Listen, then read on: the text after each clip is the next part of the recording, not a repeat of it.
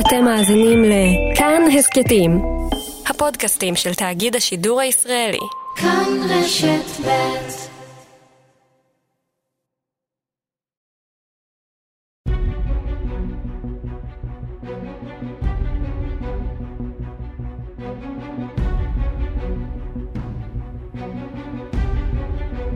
כנסת נכבדה,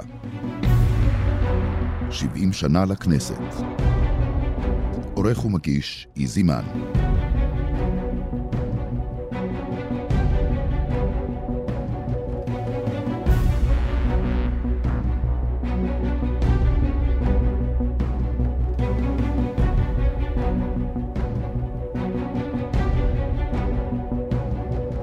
כנסת נכבדה, שלום. את התוכנית הזאת נייחד לדברי הכנסת. התיעוד הכתוב והמסוגנן של העבודה של מליאת הכנסת. נדבר כאן על העבודה הזו, בעבר היא כללה תמלול באמצעות קצרנות, וגם, כמובן, גם היום, עריכה. נשמיע כאן דוגמה אחת או שתיים של העריכה, וגם נדבר על הניסיונות של הכנסת במרוצת 70 שנותיה להגן בחקיקה על השפה העברית.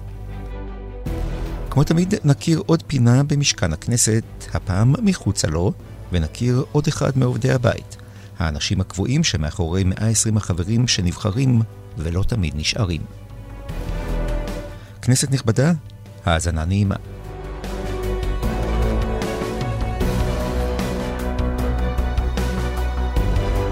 שלום דקלה אברבנאל, מנהלת מערכת דברי הכנסת. שלום וברכה. קודם כל, מה זה דברי הכנסת? מי שלא מכיר, והרבה לא מכירים. נכון. אה, חוברות דברי הכנסת הם אה, רישום מלא ומדויק ככל האפשר של הנאמר בישיבות המליאה. אתה יכול לתאר לעצמך שזה עמודים רבים אה, שנמשך, שמתארים ישיבות שנמשכות שעות. כמובן, את הדברים הפיקנטיים אפשר לשמוע בחדשות די מהר, שעה, שעתיים אחרי, אבל מעבר לקטעים הקצרים שאנחנו כולנו סופגים בתקשורת, יש בכנסת קבצים שלמים מלאים בכל טוב. דיונים ערים בנושאים של סדר היום, ויכוחים, אה, רגעים של צחוק, ידידות, רגעים של קונפליקטים חריפים.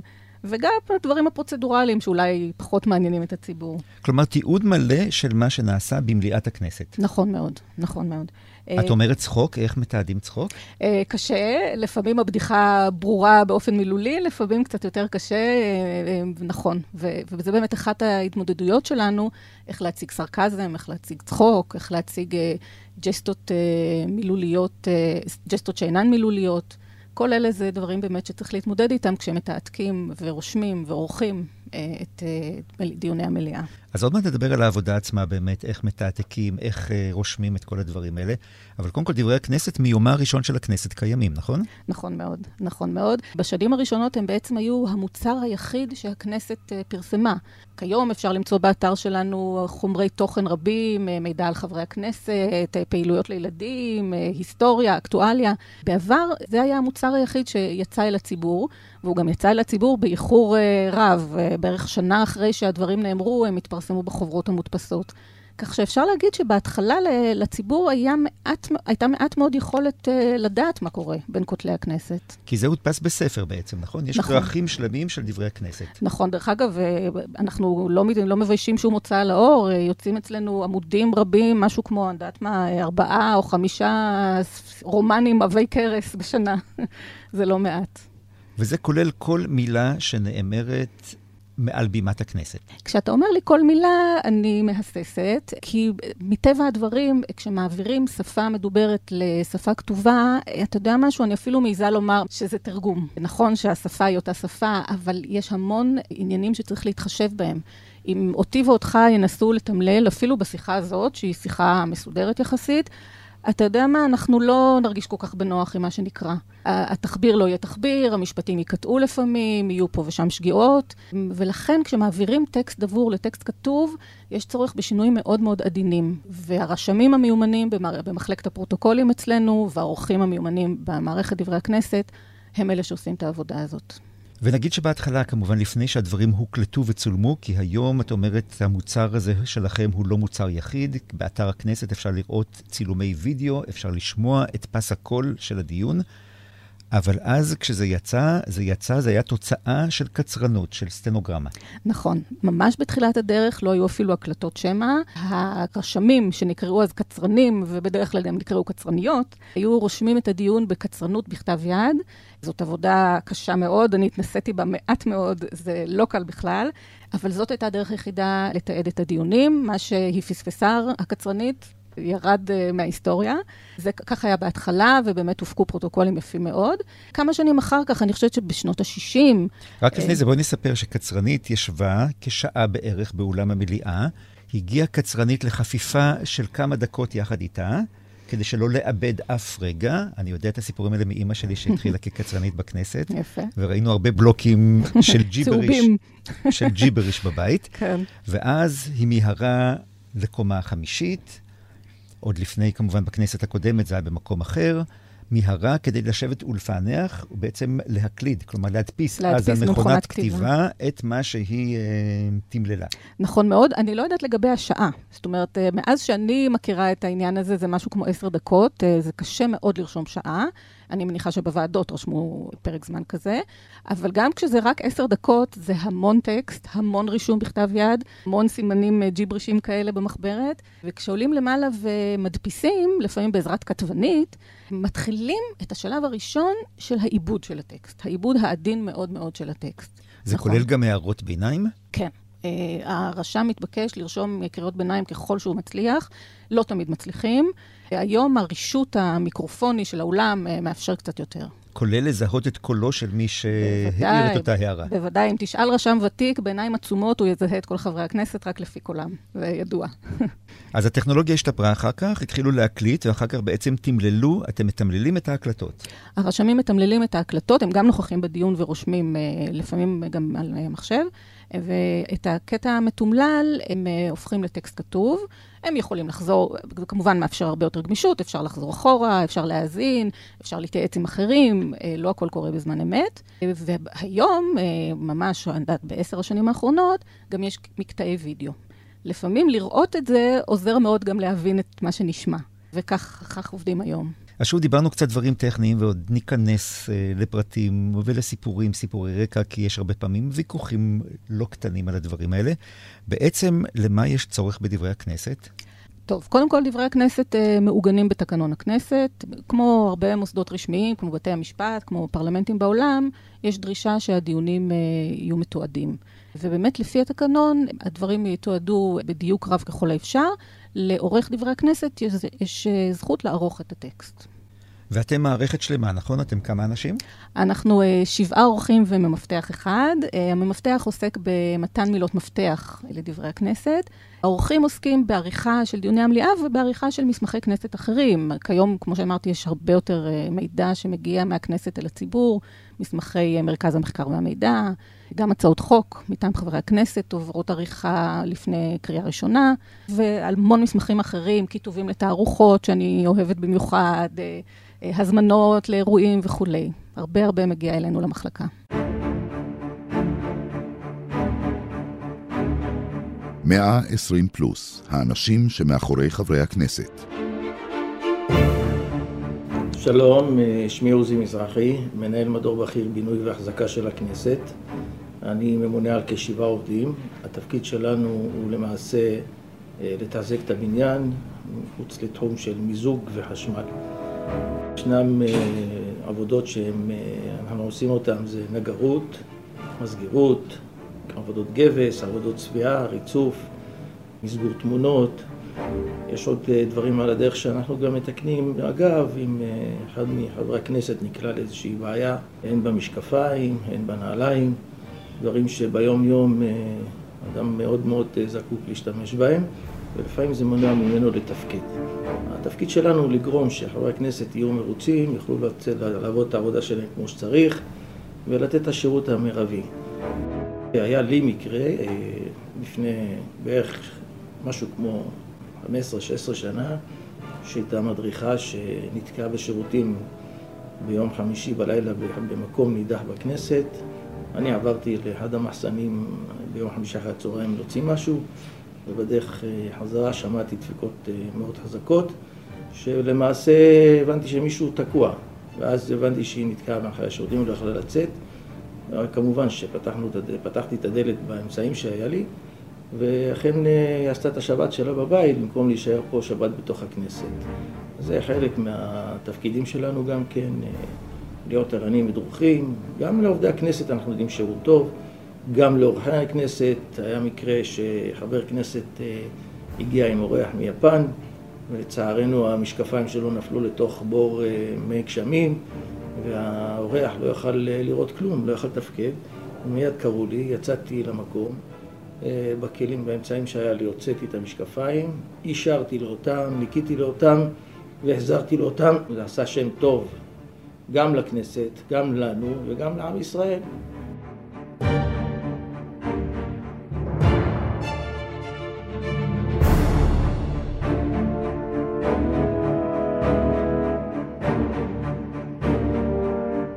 דקלה אברבנאל, מנהלת דברי הכנסת, חוזרים אלייך. בואי נמשיך לדבר באמת על העבודה המעשית שלכם. מה כותבים, מה משמיטים, מה נשאר, מה יוצא החוצה מתוך כל מה שנאמר באולם המליאה של הכנסת? אז אני יודעת שזה נורא מעניין אנשים. אנשים שואלים אותי, איך יכול להיות שאתם אה, מתקנים אה, שגיאת לשון של אה, מישהו? איך יכול להיות שמישהו טועה בדבריו ופתאום אני רואה את זה מתוקן?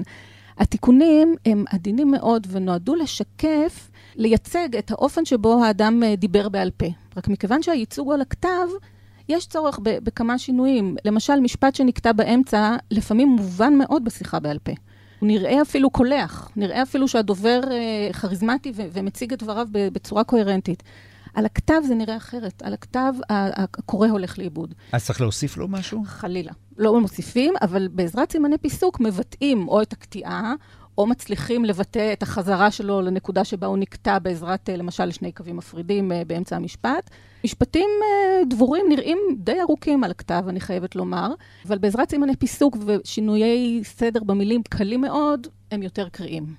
כשדובר מדבר, אני חושבת שאין שום בעיה להבין אותו, בכתב קצת יותר קשה. ושגיאות לשוניות, אם בן אדם דיבר בשגיאות, פשוט מחוסר ידיעה של חוקי השפה העברית, ויש המון חוקים שלא כולנו גם אנחנו כאנשי המקצוע לא תמיד בקיאים בהם. אני מסכימה. גם כאן, נדמה לי שהעיקרון הזה של לייצג את, אה, את המעמד מכתיב לנו תיקון. למשל, אה, אני יכולה להיזכר בפרופסור מיכאל נודלמן, אה, שנפטר בינתיים, חבר הכנסת. היה לו קשה מאוד לדבר בעברית, והיו שגיאות רבות בדבריו, בזכר ונקבה, בתחביר. שם תיקנו. אדם ביקש לדבר ככל יכולתו דיבור רשמי, לא נמנע ממנו את זה. נאפשר לו לעשות את זה על הכתב בצורה הטובה ביותר. דרך אגב, כמובן, אה, יש חברי כנסת שעושים, אתה יודע, ניצול לענייניהם של אה, שגיאות, ושם כמובן שאיננו מתקנים. הבולטת ביותר היא חברת הכנסת לשעבר, אה, מרב מיכאלי.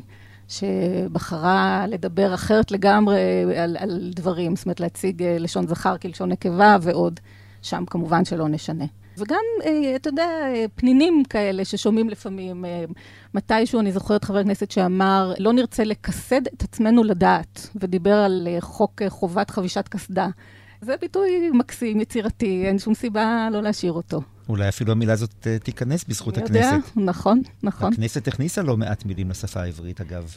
אבל אנחנו מדברים כמובן על סוג של משטרת לשון, חס וחלילה. זה הדבר שהכי חשוב לי uh, להדגיש. אין לנו שום כוונה לחנך את חברי הכנסת, להטיף למישהו.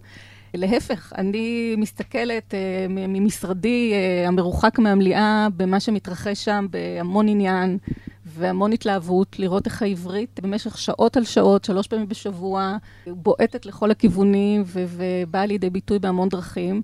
הדבר היחיד הוא שאני עורכת, וכשאני מעבירה את זה לטקסט, אני עושה מה שאני יכולה, כדי להציג את זה סדור. אבל היופי שם הוא, הוא בכל פינה. עכשיו, הכנסת מטבע הדברים היא ראי של העם, כמובן הייצוג של חברי הכנסת, הם מייצגים את מה שקורה בעם. הם גם מייצגים את השפה, נכון?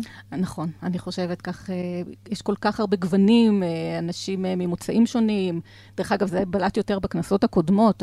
אפשר לשמוע בהקלטות אנשים במבטאים לא צברים, שהיום אנחנו כבר לא מכירים. וגם ביטויים שהם תרגמו מהשפות, שפות האם שלהם, נכון. כי רבים מחברי כנסת, בוודאי הראשונות, לא היו ילידי הארץ. נכון, נכון. גם עולם המושגים שלהם היה בלועזית. אפשר לראות שהיום באמת זאת הצלחה של האקדמיה ללשון. המון דברים כמו דיסטריביוציה או, או מילים כאלה, פינו מקום למילים עבריות. ואתם משנים את המילים האלה, אגב? לא. אם מישהו יבחר להשתמש במילה לועזית גם היום, אז היא תופיע בלועזית. היא תישאר. אז איך דיברו חברי הכנסת בעבר, למשל? מעניין, אנשים חושבים אה, בוודאי שהכנסות הקודמות היו רהוטות יותר או אה, שוטפות יותר. אני כמובן לא יכולה לשפוט, אני עובדת בכנסת רק 19 שנים, בכנסת זה נחשב הרף עין לפעמים, אבל uh, צריך לזכור שאם בוחנים אותם לפי דברי הכנסת, לא בהכרח מגיעים לתוצאה מדויקת. לא תמיד דברי הכנסת בעבר תיעדו את הדברים כפי שהם נאמרו. והייתה עריכה הרבה יותר אה, מסיבית של החומרים ממה שקיים היום. כנראה שחשבו שצריך להגן על העברית וצריך לייצג בדרך uh, מכבדת יותר את חברי הכנסת. אז כן, אפשר לשמוע פה ושם ביטויים די דומים להיום, שמקבלים uh, פורמט אחר לגמרי על הכתב. אז למשל, חבר הכנסת בדר אמר, ולכן אני חושב שטוב יעשה שר הפנים אם לא יסגור את הדלת בפני הקמת חקירה פרלמנטרית בזמן זה בעניין זה. ובוודאי, אבל מתוך דאגה זו, הלוך היה נעשה אותו מאמץ שנעשה בכדי לקרוא לנוער שילך לנגב על מנת להגיד לנוער שלא ירד מן הארץ אולי יעזור לנו. בוודאי יש גם צורך, צורך בפתרון בעיות חמורות כספיות, כלכליות, אה, גם פסיכולוגיות. ומכל מקום אי אפשר לעשות את זה על ידי המלצות ועדת פנים.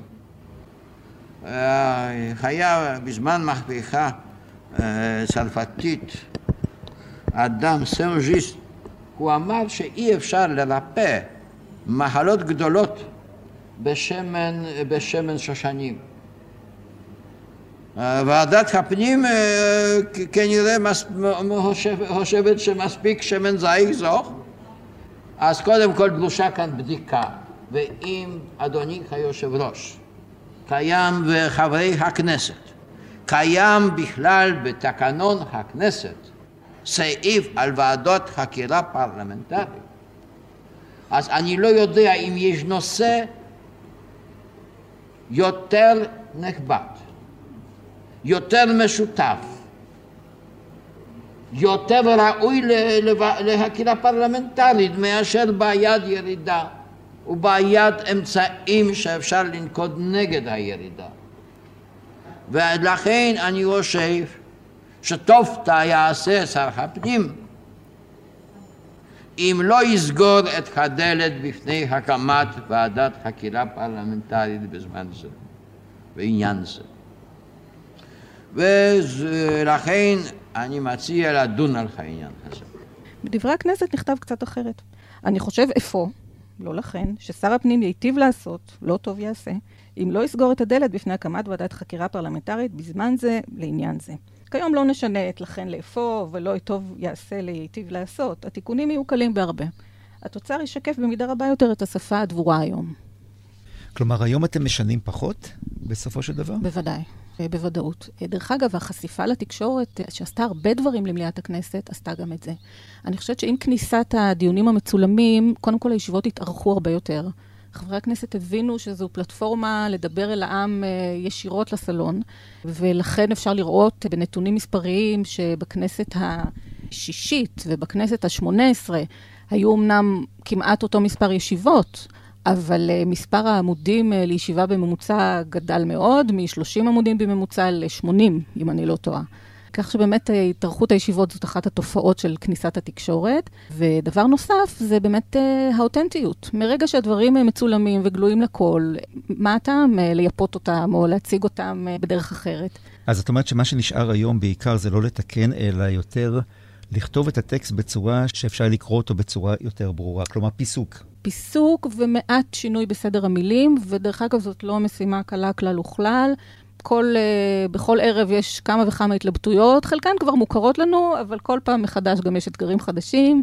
איך להציג משהו שנאמר, איך להבהיר משהו שמשתמע לשתי פנים, איך uh, לבטא התרחשויות לא מילוליות, uh, כל הדברים האלה מעסיקים אותנו. וזכותו של חבר כנסת לעבור על הטקסט הזה ולאשר אותו. נכון, על פי התקנון, חברי הכנסת מקבלים את הנאומים שלהם ויכולים uh, לבקש לעשות בהם תיקונים. תיקונים uh, לא אמורים להיות שינוי המשמעות או מחיקה של דברים שנאמרו, בשום אופן לא. התיקונים שאני נתקלתי בהם היו תיקוני סגנון שלאו דווקא לא בהכרח קיבלנו, אם חשבנו שזה לא מבטא את מה שנעשה בפועל. והמילה האחרונה היא שלכם. המילה האחרונה היא שלנו, נכון. והיו חברי כנסת שביקשו לשנות דברים, גם קצת אה, אפילו בתוכן, דברים של משמעות. נכון, אני מכירה סיפורים כאלה מהעבר. למשל, מילה לא מכבדת הוסרה מהפרוטוקול, אבל רק אחרי שנבדק והוחלט שהנושא לא יעלה לוועדת האתיקה, אם כן, כמובן שיש צורך בפרוטוקול מדויק לגמרי. שמות של אנשים תוקנו. אם אדם שוגה בשם של חייל שנהרג או וכולי, או מבקש לתקן, כמובן שנתקן. הייתה חברת כנסת שביקשה לשנות את המילים זאת מדינתי למילים זאת מולדתי, והבקשה התקבלה. היה שר שנאם אה, נאום שגוי לגמרי בהצגת הצעת חוק, הוא פשוט קיבל מהמזכירה שלו את הנאום הלא נכון. במקרה כזה, אה, הפקידות ביקשה להחליף את הנאום, אבל זה לא אושר. אי אפשר להחליף פסקאות שלמות אה, בדברי הכנסת. יש עוד סיפורים פיקנטיים על חבר כנסת שהייתה לו פליטת פה לגבי מהלכים שהוא עשה כראש עיר שלא בהכרח היו חוקיים.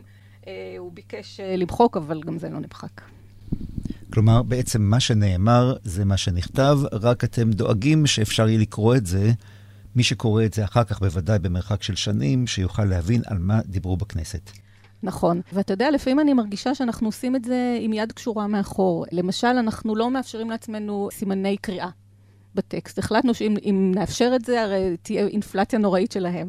וגם הבעת סרקזם, אנחנו משתדלים לא להביע בסימני פיסוק. לפעמים משתמשים בשלוש נקודות, ככה, כדי שהקורא יבין שלא מדובר כאן בדברים כפשוטם. מרכאות כפולות? מרכאות זה מאוד נחמד. אנחנו משתדלים לא להשתמש הרבה במרכאות, אלא אם כן הציטוט מדויק. אבל כשחבר הכנסת עושה עם ידיו את הסימן שאי אפשר להראות ברדיו, מניף את שתי ידיו ועושה עם אצבעותיו סימן של מרכאות, אנחנו uh, מקבלים את רצונו. ושותלים מירכאות כתובות גם בטקסט. אבל אתה יודע, היו התרחשויות לא מילוליות שהיה מאוד מאוד קשה לבטא. למשל, חברת הכנסת אה, לשעבר קסניה סבטלובה עלתה לנאום חבושה בהינומה, כשהיא דיברה על הצעת, אה, הצעת חוק לנישואים אזרחיים. כל חברי הכנסת אה, מגיבים, נאמרות קריאות ביניים, אבל אנחנו לא יכולים לתת הוראות במה ולהסביר מה בעצם מתרחש.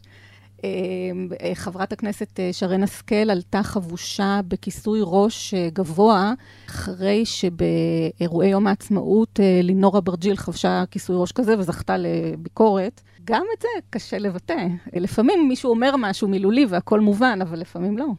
כלומר, מי שלא ראה את זה לא יבין אחר כך אולי על מה, על מה מדובר. נכון מאוד, הוא יראה גיחוכים, הוא יראה בדיחות, ולא בטוח שהוא יבין uh, מה קורה כאן. עכשיו, חברי הכנסת נעזרים בכם לפני שהם נואמים, כדי שלא תתקנו אותם אולי אחר כך? מעט מאוד. חברי הכנסת שכותבים מסמכים כראשי ועדות, אה, דוחות של ועדות, שחברי הכנסת אה, אחראים להן, הם מגיעים אלינו הרבה פעמים. אבל לעומת זאת, אתם מוציאים דפי כתיקונם, so called. נכון, זה מוצר baby אה, של המחלקה. לאורך מאוד, כל השנים. נכון, אנחנו מאוד נהנים ממנו. התחיל בזה דוד ניב, עורך אה, מיתולוגי של המחלקה, בשנות ה-70, אני חושבת, והפיק אה, מין דפים קצרים עם כמה משפטים מצויים, משפטים שנאמרו ויש בהם שגיאה כלשהי, ולצידם את המשפט המתוקן. זה נפסק באיזשהו שלב, אבל דבורה אביבי, קודמתי בתפקיד, שעבדה במחלקה במשך שני עשורים, ואחראית להמון שינויים תוכניים וטכנולוגיים בה, אה, יצרה את כתיקונה מחדש בשנות האלפיים. זה חמוד נורא, אפשר למשל? לראות... למשל? אה, למשל, בדפי כתיקונה מ-1971, שערך דוד ניב, מזכירים את ארבעת, שבמקום ארבעת המעצמות צריך לומר ארבע מעצמות, ובמקום מהי השיטה החדשה אותה מציע המשרד, צריך להוסיף שין, מהי השיטה החדשה שמציע המשרד. בדפי כתיקונם שלנו מהשנה האחרונה, אנחנו מדברים על משקפיים שצריכים אה, אה, לדבר עליהם בלשון זכר, להתבונן על הנושא במשקפיים פוליטיים.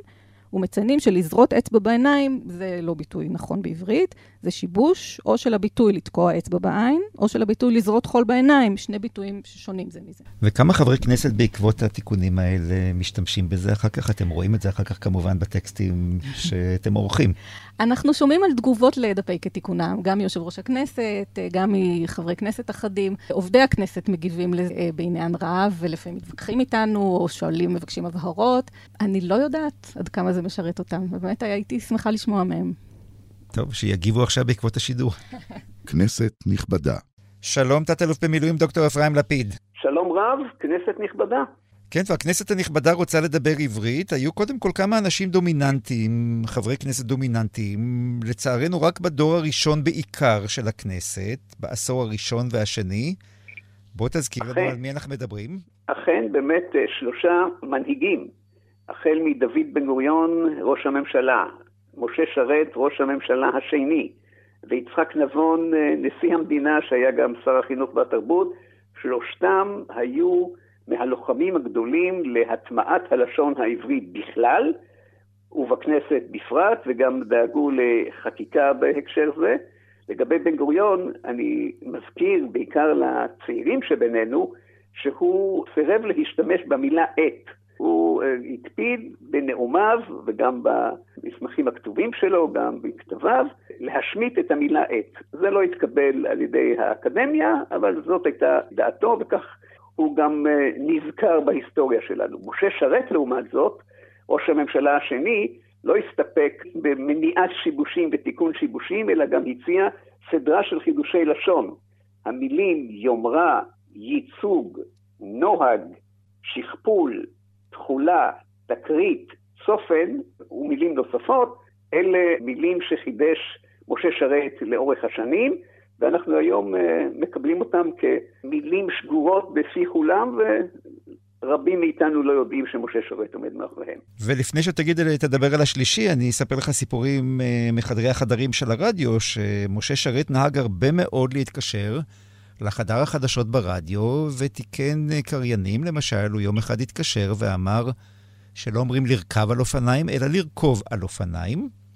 ועוד אני כל אפילו מיני... מצאתי, אפילו מצאתי בכתביו מכתבים שהוא כתב, הוא גם התקשר וגם אה, דאג לכתוב לכל ישראל בזמנו על תיקוני לשון, כי הוא באמת ראה בזה משימה, כי הרדיו היה האמצעי הפעיל ביותר בעצם להנחלת הלשון העברית. ואנחנו הזכרנו באחת התוכניות הקודמות מילים אה, עבריות שיצר גם דוד רמז, חבר הכנסת אה, והשר דוד רמז, מילים שכמובן קשורות לתחום התחבורה, כי זה התחום שהוא עסק בו. אז באמת נזכיר גם אותו לטובה, בהחלט. עכשיו בוא נדבר אה, קצת על החקיקה. מה הכנסת עשתה בעצם במרוצת השנים כדי להגן על השפה העברית? באמת המשימה הייתה אה, להגן על השפה העברית. גם אם הם לא קראו לזה כך, אפשר לראות את זה בפעילות השוטפת. בשנת 1952, ארבע שנים אחרי קום המדינה, יצאו שני חברי כנסת אה, מאוד בולטים בתקופה ההיא, האחד הוא יצחק בן צבי, שלימים היה גם נשיא המדינה. הוא יצא בהצעה לסדר היום לעיבור השמות. עיבור השמות, הוא התכוון שבתקופה של קיבוץ גלויות וליכוד השבטים, יש הכרח לא רק בהעמדת תנאים כלכליים ומשקיים, אלא גם תנאים פסיכולוגיים שיסירו את המחיצות, אני קורא כמובן מתוך אה, הצעה לסדר היום שלו, שיסירו את המחיצות בין העולים החדשים ובין התושבים הוותיקים. הוא הציע שחברי הכנסת שטרם שינו את שמותיהם יזדרזו ויעשו זאת ויאמצו שמות עבריים, וכך זה יביא גם כמובן למגמה הזאת בקרב הציבור הרחב. ההצעה הזאת לסדר היום לא התקבלה, אבל עצם העובדה שהתקיים על זה דיון היה בהחלט משמעותי. אבל בן גוריון הצליח לפחות גם כשר ביטחון, להנחיל את זה בצבא, כי אנשי צבא רבים התבקשו, וזאת הייתה הוראה, פקודה אפילו, לשנות את שמותיהם, לעברת אותם. בהחלט, אני גם uh, תורם לזה את ה, לא רק את הידע האישי, גם את הניסיון שלי. אני החלפתי, שלוש שנים אחרי שהתגייסתי, החלפתי את שם משפחתי מליפניצקי ללפיד, באמת ברוח uh, אותה הוראה שהייתה בימים ההם. הצעת חוק אחרת ב-1952 הייתה של חברת כנסת אסתר עזיאל נאור ממפלגת חירות. היא ביקשה לקבוע חוק שהעברית היא לשון המדינה. נראה לנו מובן מאליו, ואפילו קשה להאמין, שההצעה הזאת לא זכתה להתייחסות חיובית. ושעלתה רק, הממשל... ושעלתה רק הממשל... בשנה ההיא כמובן, ולא כמובן. איך שקמה הכנסת. בוודאי. אבל צריך לזכור שברור, מיד עם קום המדינה, השפה העברית נקבעה כשפה רשמית בתקנות למיניהן, אבל לא היה חוק שהסדיר זאת, ובן גוריון, שענה לחברת הכנסת אביאל נאור, השיב לה שהממשלה תכניס בשעתו הצעת חוק, הוא התכוון בעתיד, תגיש הצעת חוק על לשון המדינה. בשלב זה הוא חשב, ככה אני קורא, הוא אמר את זה על במת הכנסת, שכיוון שאנחנו נמצאים במאמץ גדול לקליטת עלייה, ועלינו לספק את צורכיהם התרבותיים של העולים בלשונות השגורות בפיהם, עד שילמדו עברית. ולכן הוא לא רצה להכיל חובת עברית מוחלטת בכל תחומי החיים, אבל כמובן שבן גוריון באמת אה, טרח אה, מאוד לאמץ את הלשון העברית. ב-1953 חוקקה הכנסת את החוק שנקרא חוק המוסד העליון ללשון העברית, שהקים את האקדמיה ללשון העברית. ב-1976 אני קורא בדברי הכנסת שהכנסת השמינית אז דנה בהצעה לסדר היום של חבר כנסת אה, בעל אוריינטציה מאוד חינוכית, קראו לו שלום לוין, הוא היה המזכיר הכללי, היום היינו קוראים לזה יושב ראש הסתדרות המורים, הוא מילא את התפקיד הזה שנים רבות, והוא העלה בהצעה לסדר היום שלו אה, את נושא שיבוש הלשון העברית בדיבור ובפומבי ובכלי התקשורת, וביקש במיוחד שחברי הכנסת יקפידו על הלשון העברית הנכונה. הוא גם קרא למערכת החינוך, כמובן, להקפיד על דיבור עברי נכון. תשובתו של שר החינוך והתרבות אז, אהרון ידלין, הייתה מאוד מעניינת, אומר כך, אני קורא מדברי הכנסת, אשרינו שזכינו לאתנחתא בפולמוסים פוליטיים ושגרתיים, ותשומת הלב הופנתה לתקנת הדיבור העברי במדינה. טוב, גם זה קרה. צריך להזכיר שאז פשוט המדינה רעשה מהרבה פרשיות שחיתות, והיינו אחרי מלחמת יום הכיפורים, נכון, תקופה מאוד מורכבת, ובכל נכון. זאת מוצאים זמן לדבר על אה, זוטות שהן מאוד חשובות. ואנחנו מדברים על השנה האחרונה של שלטון מפא"י. אנחנו מדברים ב-1976, לפני המהפך. ב-1982 אני קורא בדברי הכנסת את דברי ההסבר של חברת הכנסת אורה נמיר, שעמדה אז בראש ועדת החינוך והתרבות של הכנסת, להצעת חוק הלשון העברית. והצעת החוק הזאת נועדה לעצור את הסחף במעמדה של הלשון העברית ולשמור על מעמדה של הלשון הערבית כשפה רשמית. ההצעה מאוד מאוד אה, מפורטת, אבל אה, הצעת החוק הזאת אה, לא הבשילה, ואנחנו ממשיכים בעצם עד היום להיות במצב שמצד אחד רוצים לטפח את השפה העברית, אבל גם לא לשכוח את השפה הערבית כשפה שנייה. ועדיין, לא, ועדיין רק ברשותך, בעצם לוקחים את זה כמובן מאליו, כי עובדה שכל מיני הצעות חוק כאלה לאורך השנים, ואתה כבר נדדת משנות ה-50 אל שנות ה-80, לא מתקבלות נכון. ההצעות האלה. נכון, ועוד שתי הצעות שלא התקבלו, היו ב-2013 וב-2016, ללימוד השפה העברית וערכי מדינת ישראל לעולים ואוכלוסיות מיוחדות, כשכאן הכוונה הייתה בעיקר לתקצב את האולפנים לעברית ומסגרות אחרות. אז צריך לזכור שבאותם מקרים שההצעות גם כרוכות בתקציב, אז הם כמובן נבלמו. בכל מקום שאפשר היה להסתפק רק באמירות על חשיבותה של השפה העברית, זה עבר טוב. כשזה עולה כסף זאת... זה כבר מורכב יותר. נכון. אה, כדאי בכל זאת להזכיר עוד שני אירועים בהקשר של הכנסת והשפה העברית. הכנסת אימצה ב-1990, שנת תש"ן, שנת הלשון העברית, שקבעה ועדת השרים לענייני טקסים וסמלים. במסגרת זאת הכנסת גם אה, קיימה ישיבה חגיגית לציון שנת הלשון העברית, וב-2002 יזם חבר הכנסת זבולון אורלב את הצעת חוק הזמר העברי, שבעקבותיו מקיימת הכנסת מדי שנה את יום הזמר העברי, זה גם יום שהזדמנות טובה להעלות את הזמר העדכני מכל שנה ולעודד uh, זמרים למיניהם. אנחנו זוכרים גם uh, כמה פולמוסים שהיו סביב זה, וחבר הכנסת יונה יהב עמד בתקופה הזאת בראש שדולה למען התרבות העברית אה, בכנסת. אז אנחנו רואים ככה שלאורך השנים היו פעולות שונות, חלקן בחקיקה, אבל רובן באמת בהצעות לסדר היום שלא הבשילו, אבל הוכיחו את החשיבות שמייחסת הכנסת לשפה העברית. ועצם העובדה שמדברים על זה מעל בימת הכנסת, זה גם חשוב. נכון, זה אומנם לא התוכנית אה, הכל דיבורים, אבל אה, זה דיונים בכנסת. תת-אלוף במילואים, דוקטור אפרים לפיד, תודה רבה. כל טוב. כנסת נכבדה.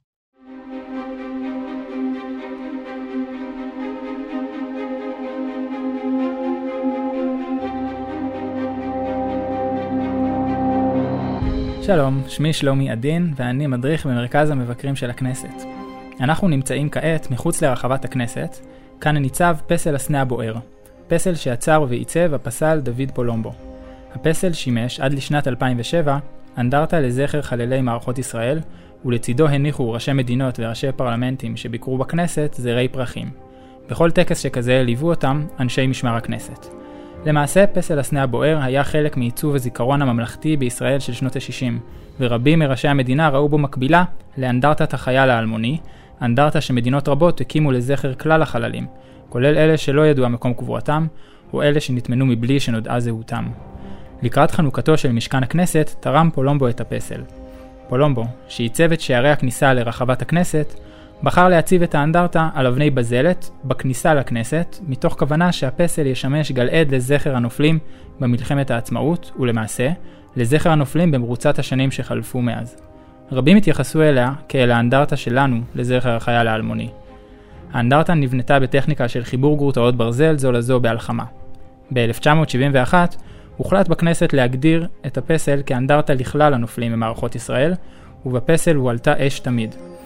לבסיסו הוצבה אבן בעירה, ועליה נחקקו המילים "ובדמם הבוקר יעלה". מילים מתוך שירה של המשוררת לאה גולדברג, העץ. כאמור, בשנת 2007 הוסט הפסל ממקומו והוצא אל מחוץ לרחבת הכנסת. במקומה הוצבה אנדרטה חדשה, אנדרטת אש תמיד, שתכנן ועיצב הפסל והצייר זלי גזריאל סגל. האנדרטה החדשה בנויה מלוח פלדה מלבני, המונח באלכסון מעל בריכת מים, שסביבתה מוגבעת בהדרגה ומרוצפת אבן כהה. במרכזה יוקדת אש תמיד.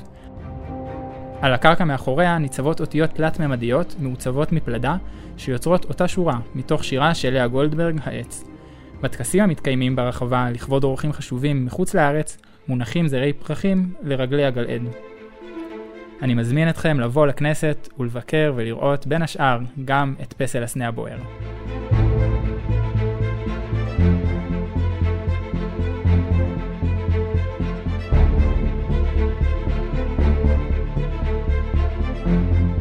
חוזרים אלייך, דקלה אברבנאל, מנהלת מערכת דברי הכנסת. את uh, ודאי עברת לא מעט על דברי כנסת ישנים, לא רק אלה שאת עובדת עליהם ב-19 השנים שאת בתפקיד הזה. איך העברית לא, שלך... לא, אני רק שנתיים בתפקיד. קדמה לי דבורה אביבי, שערכה את um, דברי הכנסת במשך כשני עשורים, ועברה שינויים גדולים בטכנולוגיה, שבעקבותיהם דברי הכנסת, העריכה וההפקה השתנו מאוד. אבל uh, מתוך מה שאת רואה, איך העברית של חברי הכנסת? העברית של חברי הכנסת היא העברית של כולנו. קשה לי להגיד על העבר, כי כמו שאני אומרת, אה, דברי הכנסת אה, תוקנו. נדמה לי שהעברית היא באמת עברית של כולנו. הם משתמשים בעברית להבעת אה, רגשות ודעות ורעיונות, בדיוק כמו שכולנו עושים את זה. כשהם רוצים uh, להתבדח, הם עושים את זה בז'רגון ובעגה הנכונה. כשהם רוצים להיות רשמיים, הם מוצאים את הדרך הנכונה להביע את דבריהם uh, בצורה סדורה יותר. חושבת שהם 120 נציגים של ציבור כל כך מגוון, וודאי אה, ניכר בהם, או ניכר בשיח אה, ביניהם, ניכרים כל ההבדלים האלה. אנשים מעיירות פיתוח, עולים חדשים, אה, אנשים שעברית היא לא שפתיהם שלהם, ערבית היא שפתיהם שלהם. חברי כנסת חרדים שמסתמכים על שפה אולי קצת יותר מהמקורות. אה, נכון, אפשר לשמוע את זה בוודאות, וגם פה ושם מתפלקת להם מילה ביידיש, שזה מאוד נחמד, בוודאי. וזה אה, נשאר בטקסט, נכון? בוודאי, כן. לפעמים, אתה יודע, אני לא דוברת יידיש ילידית, אני צריכה להיעזר אה, בחברים וקרובים, אבל בהחלט. וכמה באמת הם טועים אפילו במכוון, אם מותר לומר?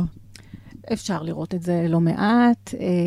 גם שגיאות uh, למטרות חברתיות, כמו חבר, חברת הכנסת מרב מיכאלי, שאתה יודע, אני חושבת, אני לא חקרתי את הנושא, אבל נדמה לי שאופן הדיבור שלה ואופן השימוש שלה בזכר ונקבה בשפה חולל שינוי אפילו בתוך הכנסת עצמה. חברות כנסת רבות יותר uh, מאמצות חלק מה, מהשינויים שלה, ואולי אפילו זה מחלחל לציבור. אני באמת קטונתי מלבדוק את זה לעומק, אבל נדמה לי שאפשר לראות את זה. היא יודעת עברית, היא הייתה קריינית. נכון, העברית שלה מצוינת, היא מתבטאת מצוין, ולכן כשהיא אומרת כל אדם ואדמה, אנחנו יודעים בדיוק שהיא לא שוגה בלשונה. כשהיא אומרת אנשים ואנשות, זה לא כי היא לא יודעת איך חוגים אה, או איך מבטאים נכון. ויפה לראות איך הדברים האלה מחלחלים אה, בעדינות, בכל מיני מקומות.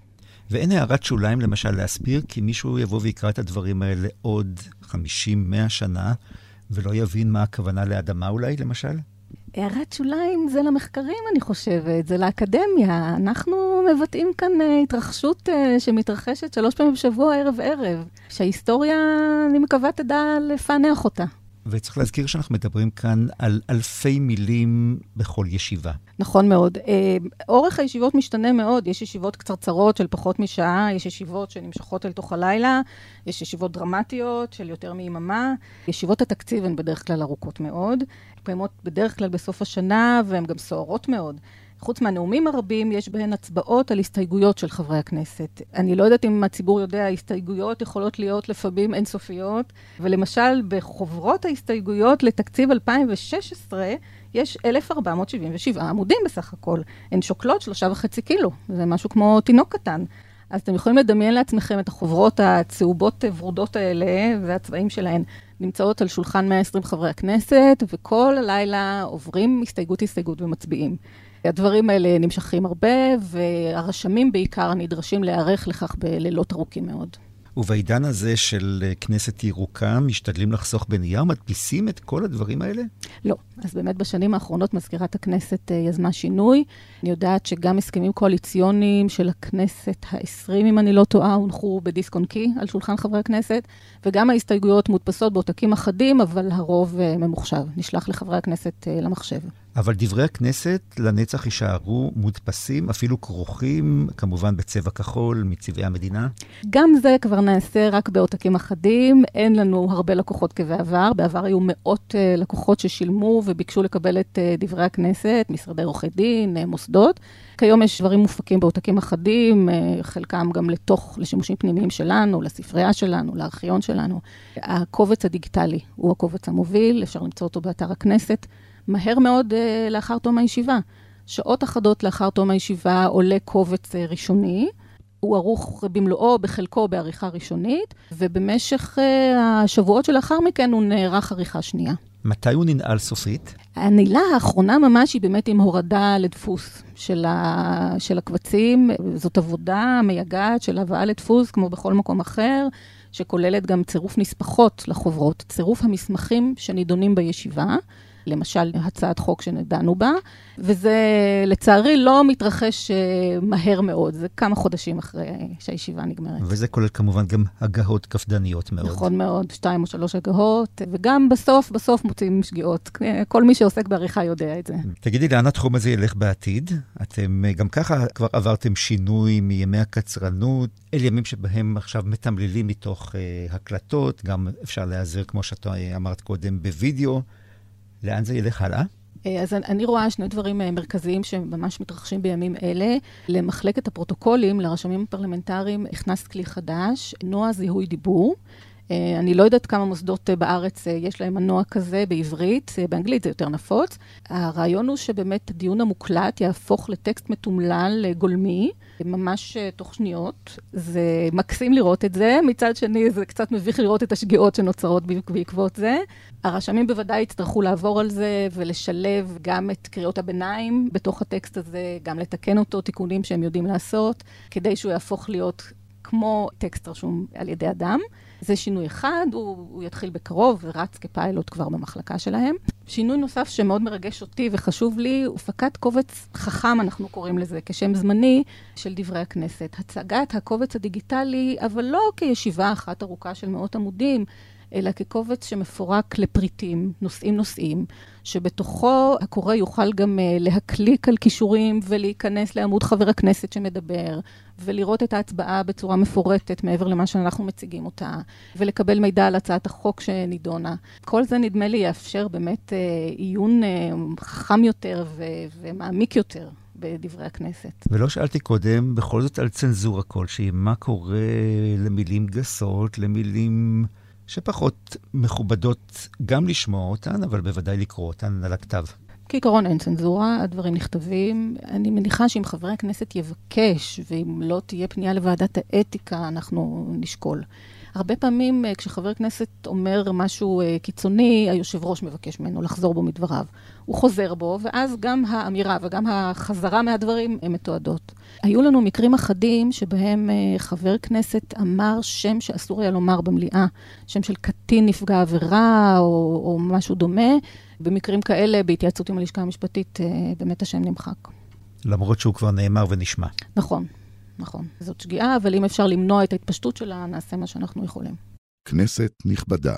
שלום, פרופסור גדעון גרייף. שלום, מזימן. בעבר, בשנת 81, היית העורך הראשי של דברי הכנסת. אכן כך. תגיד, מה זכור מאז? איזה ויכוחים על השפה העברית? כי הרי בסופו של דבר אלה הוויכוחים העיקריים, כי לפוליטיקה אי אפשר להיכנס, כי הפוליטיקה כתובה כבר. סיפורים קטנים, והסיפורים האלה שותפים בהם ראש הממשלה דאז, מנחם בגין ועוד שלושה חברי כנסת, הסיפורים האלה מעידים על הרצינות בה תפסו אז את קדושת הלשון העברית, וגם את הגישה הלינגוויסטית הכללית ששרה אז בתחילת שנות ה-80. אני אתחיל עם רגע הבחירה שלי. חבר הכנסת, עליו השלום, יהודה פרח, אמר לי אחרי שנבחרתי לתפקידי, אה, מבין 94 מועמדים, זה לא הולך ברגל, אמר לי, כך רשמתי אז, ולכן אני מרשה לעצמי גם כמעט לצטט. הוא אמר, גדעון, הפכת את הטקסטים לסימפוניה ערבה לאוזן, הצלחת לשלב בין המקור לבין לבוש עברי מצוחצח, נכון מבחינה דקדוקית ותחבירית, ובעיקר, תוך נאמנות לכוונתו המקורית של חבר הכנסת. כן, קודם כל באמת סימפוניה, זה כבר להפוך את זה ליצירה. אני אחזור לעניין המוזיקה לסיום שיחתנו. איזי, סיפור קטן אחר, שולמית אלוני לקחה אותי יום אחד טרמפ לביתי ברמת השרון, שם התגוררתי אז, והיא גרה בהרצליה כידוע, ובדרך היא אמרה לי בערך כך, אני מקווה שאני לא משנה הרבה.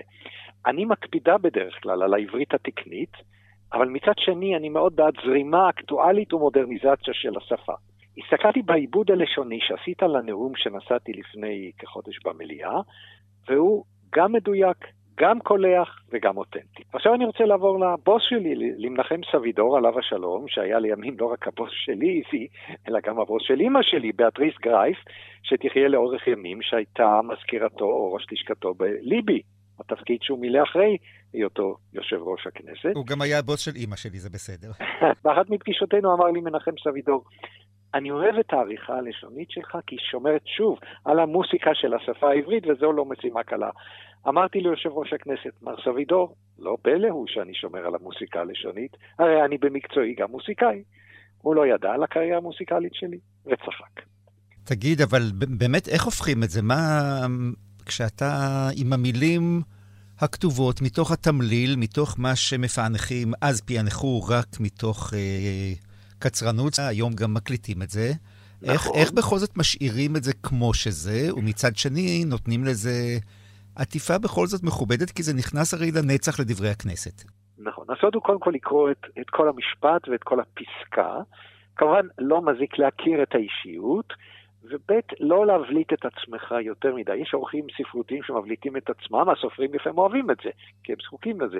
אני אוהב להישאר קצת בצד, לתקן, תוך הבנת הנקרא, וגם להעטות לבוש יפה, ספרותי, לטקסט. אני חושב ששפה היא תרבות, ותרבות היא שפה, ואנחנו מחויבים כולנו לשמור על כך, והדבר הזה נעשה קשה מיום ליום, בוודאי תסכים איתי, אבל אז בשנות ה-80 זה היה עוד יותר חשוב, ואנשים גם הקפידו, כולל חברי הכנסת. לקרוא, להיכנס, לצלול לתוך טקסט, ואז לנסות לשפר אותו, ליפייף אותו, אם אפשר לומר כך. אבל תגיד, האם מותר לנו בכלל, מותר לכם לשנות טקסט? הרי חבר כנסת דיבר בשפתו שלו, ברוחו שלו, גם אם הוא עשה טעויות בשפה העברית. כמה אפשר באמת לשנות? זאת דילמה, אתה, אתה צודק, זו דילמה שמלווה אותי גם היום כהיסטוריון של תקופת השואה, כאשר אני צריך לפרסם קטעים מעדותם של ניצולי שואה, וחלקם אנשים פשוטים שלא זכו להשכלה גבוהה, או אפילו לא תיכונית, ולפעמים אפילו לא השכלה אה, עממית. זו דילמה, אבל אני חושב שלכבודו של הדובר, בין אם הוא ניצול שואה ובין אם הוא חבר כנסת, חשוב אה, לשפר את השפה, הרי אה, לא נאמר שתי ספרים, לא נשאיר זאת כך משום שהוא אמר שתי ספרים. ברור שנשנה לי שני ספרים. הגבול הוא באמת גבול דק מאוד, והעורך צריך אה, להחליט. וזו החלטה לא פשוטה, אתה צודק. הדילמה היא גדולה, וצריך לשמור מצד אחד על כבוד הנואם, ומצד שני גם על כבודה של העברית. וגם לשפה יש כבוד משלה, והיא לפעמים נלחמת על הכבוד הזה בלי מילים. פרופסור גדעון חייב, תודה רבה. תודה לך, איזי. תודה רבה. כנסת נכבדה. וכמעט לפני סיום, דקלה אברבנאל מנהלת מערכת דברי הכנסת. העבודה שלכם נמשכת עוד הרבה אחרי שהאורות קווים באולם המליאה, ואולם המליאה, אנחנו יודעים, לפעמים סוער מאוד עד השעות הקטנות מאוד של הלילה. חברי הכנסת הולכים לישון, אתם בעיצומה של העבודה. נכון מאוד, ישיבות המליאה מתקיימות שלוש פעמים בשבוע, חלקן מתחילות בארבע אחר הצהריים, חלקן באחת עשרה, הן נמשכות לפעמים אל השעות הקטנות של הלילה, ולא לא יוצאים מעבודה ברגע שהמליאה ננעלת. לרשמים יש עבודה של תמלול של, ה, של החלקים האחרונים של הישיבה, ולנו האורחים יש עבודה של עריכה של אותם קטעים. כולנו משתדלים לעבוד ולהציג את החומרים כמעט בזמן אמת, אבל בסופו של דבר, שעות אחדות ולפעמים רבות, אחרי סוף הישיבה, הרשמים עוד נמצאים בחדרים, וגם אנחנו האורחים, גם אם הולכים הביתה לתנומה קצרה, חוזרים בבוקר לעומס גדול מאוד. אבל זה גם נחמד, אתה שומע לפעמים צחוק מתגלגל בקומה החמישית, אה, בשעות הקטנות של הלילה, כשכולנו כבר באמת טרוטי עיניים. ואיזושהי חוויה אישית שככה זכורה לך מתוך כל השנים האלה? אתה יודע, זה לא כל כך קל לתמלל טקסט משמיעה. הם לפעמים, אה, ואפשר בטח לראות את זה כשמנוע זיהוי דיבור אה, יהפוך אה, רווח יותר, אתה שומע שזה צמד מילים ואין לך מושג, אם אתה לא יודע מהו ההקשר, איך בדיוק לכתוב אותן. למשל, מפריחים רעיונות. יכול להיות מפריחים רעיונות באוויר, בחטא, או מפריחים רעיונות בכף, כלומר מזימים, מזימים, מזימים אותם. כך שבאמת צריך לעמוד על המשמר, במיוחד אחרי שהדיבור האוטומט, הדיבור יהפוך לטקסט באופן אוטומטי, כדי להבין אה, למה התכוון המשורר.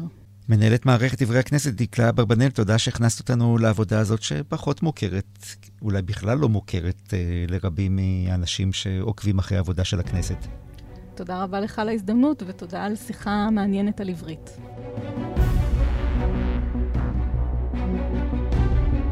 כנסת נכבדה, סיימנו עוד תוכנית. אנחנו נהיה כאן עם תוכנית חדשה ביום חמישי, סביב השעה תשע ורבע בערב, ושוב בשבת הבאה, כרגיל, אחרי חדשות השעה ארבע אחרי הצהריים. כאן רחלי לוי בתחקיר ובהפקה, ואני זימן, עורך ומגיש. שבת שלום.